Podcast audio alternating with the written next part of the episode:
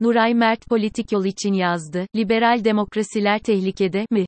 Putin savaş çıkardı, liberal, savaşçı ırtkanlarına gün doğdu, liberal demokrasiler tehlikede, diye ortaya düştüler. Doğrusu, liberal demokrasiler gerçekten de tehlikede, sadece o değil, demokrasi, insan hakları, özgürlükler, tüm bu kavramlar, ilkeler hepsi tehlikede.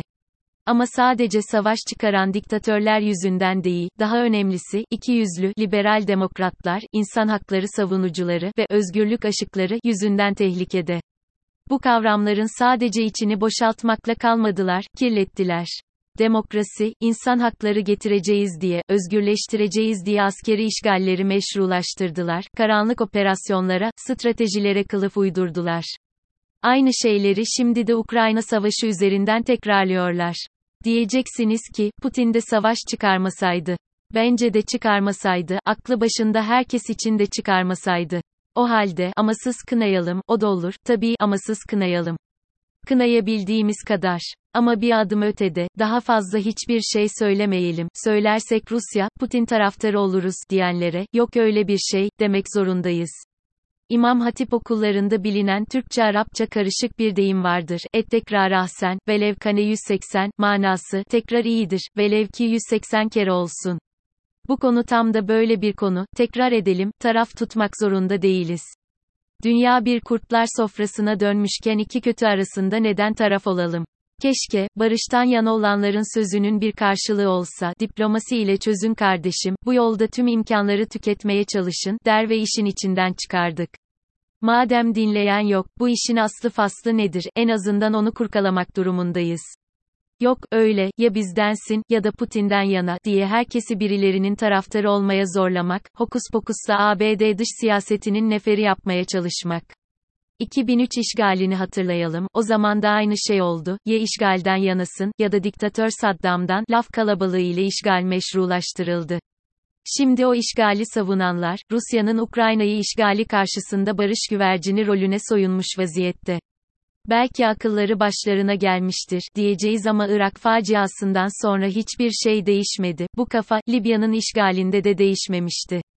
Değişen işgalcinin kim olduğu, bu kafada olanlar için ABD, Batı ittifakı işgalci olunca işgaller, askeri müdahaleler, iyi, işgalci başkaları ise, değil.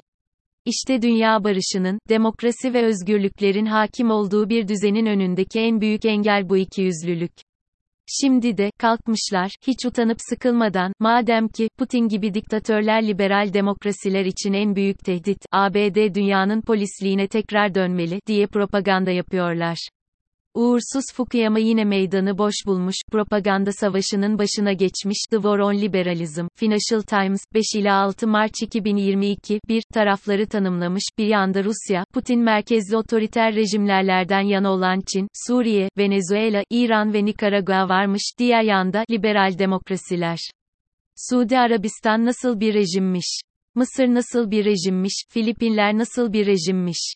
Polonya nasıl bir rejimmiş? Vesaire ABD içinde bazı cumhuriyetçiler de bu saflarda yer alıyormuş. Peki, Demokrat Biden'in son demokrasi zirvesine, marka otoriter rejimlerden biri olan Hindistan, başkanları, yargıya gerek yok, uyuşturucu kullananları öldürün, ben de geçmişte öldürdüm, diyen Filipinli'ye davetliymiş. Çin'i sıkıştırma stratejisi çerçevesinde bu çevre ülkeler çok önemli diye olabilir mi? 90'lı yılların başında ilan ettiği tezlerin tümünün yanlış çıktığı Fukuyama'nın, Irak işgali döneminde neokan savaş çığırtkanlarının önünde gittiğini bilmem hatırlatmaya gerek var mı? Irak'ta akan kanı, Sunni-Şii çatışması çerçevesinde izah etmek için çok kalem oynatmış bir başkası, liberal demokrasileri, savunmak için ABD'nin izolasyonist siyaseti bırakıp, tekrar, dünya liderliğine, dönmesi ve tüm dünyanın onun arkasında hizalanması gerektiğini söylüyor. Damien K. War Sounds an Alarm for Liberal Democracy, New York Times, Mart 8, 2022 Dahası, dayanamamış Başkan Biden'in oğlu Hunter Biden'in, zamanında başkan yardımcısı olan, babasının nüfuzunu kullanarak Ukrayna'da rüşvet skandalını, Trump'ın seçimlerde, Hunter Biden'in ismini, kirletmek, çabası olarak örtbas etmeye de kalkmış. Nokta. Tüm bunları ancak, Doğu Avrupa Yahudilerinin dili olan Yidiş'ten diğer dillere de geçmiş bir kelime ile tanımlayabiliriz, çapa. Pişkinlik ve küstahlık karışımı bir tavrı anlatmak için kullanılıyor. Daha bitmedi, iki finans analisti, Charles J. Armitage ve Samuel Burgess diyormuş ki, madem ki liberal demokratik değerleri korumak için güçlü ordulara gerek var, o halde silah yatırımları ve fonları da, toplumsal sorumluluk yatırımları, sayılsın ve E, S, G, Environmental, Social and Governance, etiketi taşıyabilsin. Jeff Sommer, Pitching Military Stocks as Socially Responsible, New York Times, Mart 8, 2022. Tabii, bu kadarı şimdilik uçuk bir tez olarak görülüyor, ama dünyanın gittiği istikameti kavramak açısından çok anlamlı, daha doğrusu, samimi, bir öneri olmuş.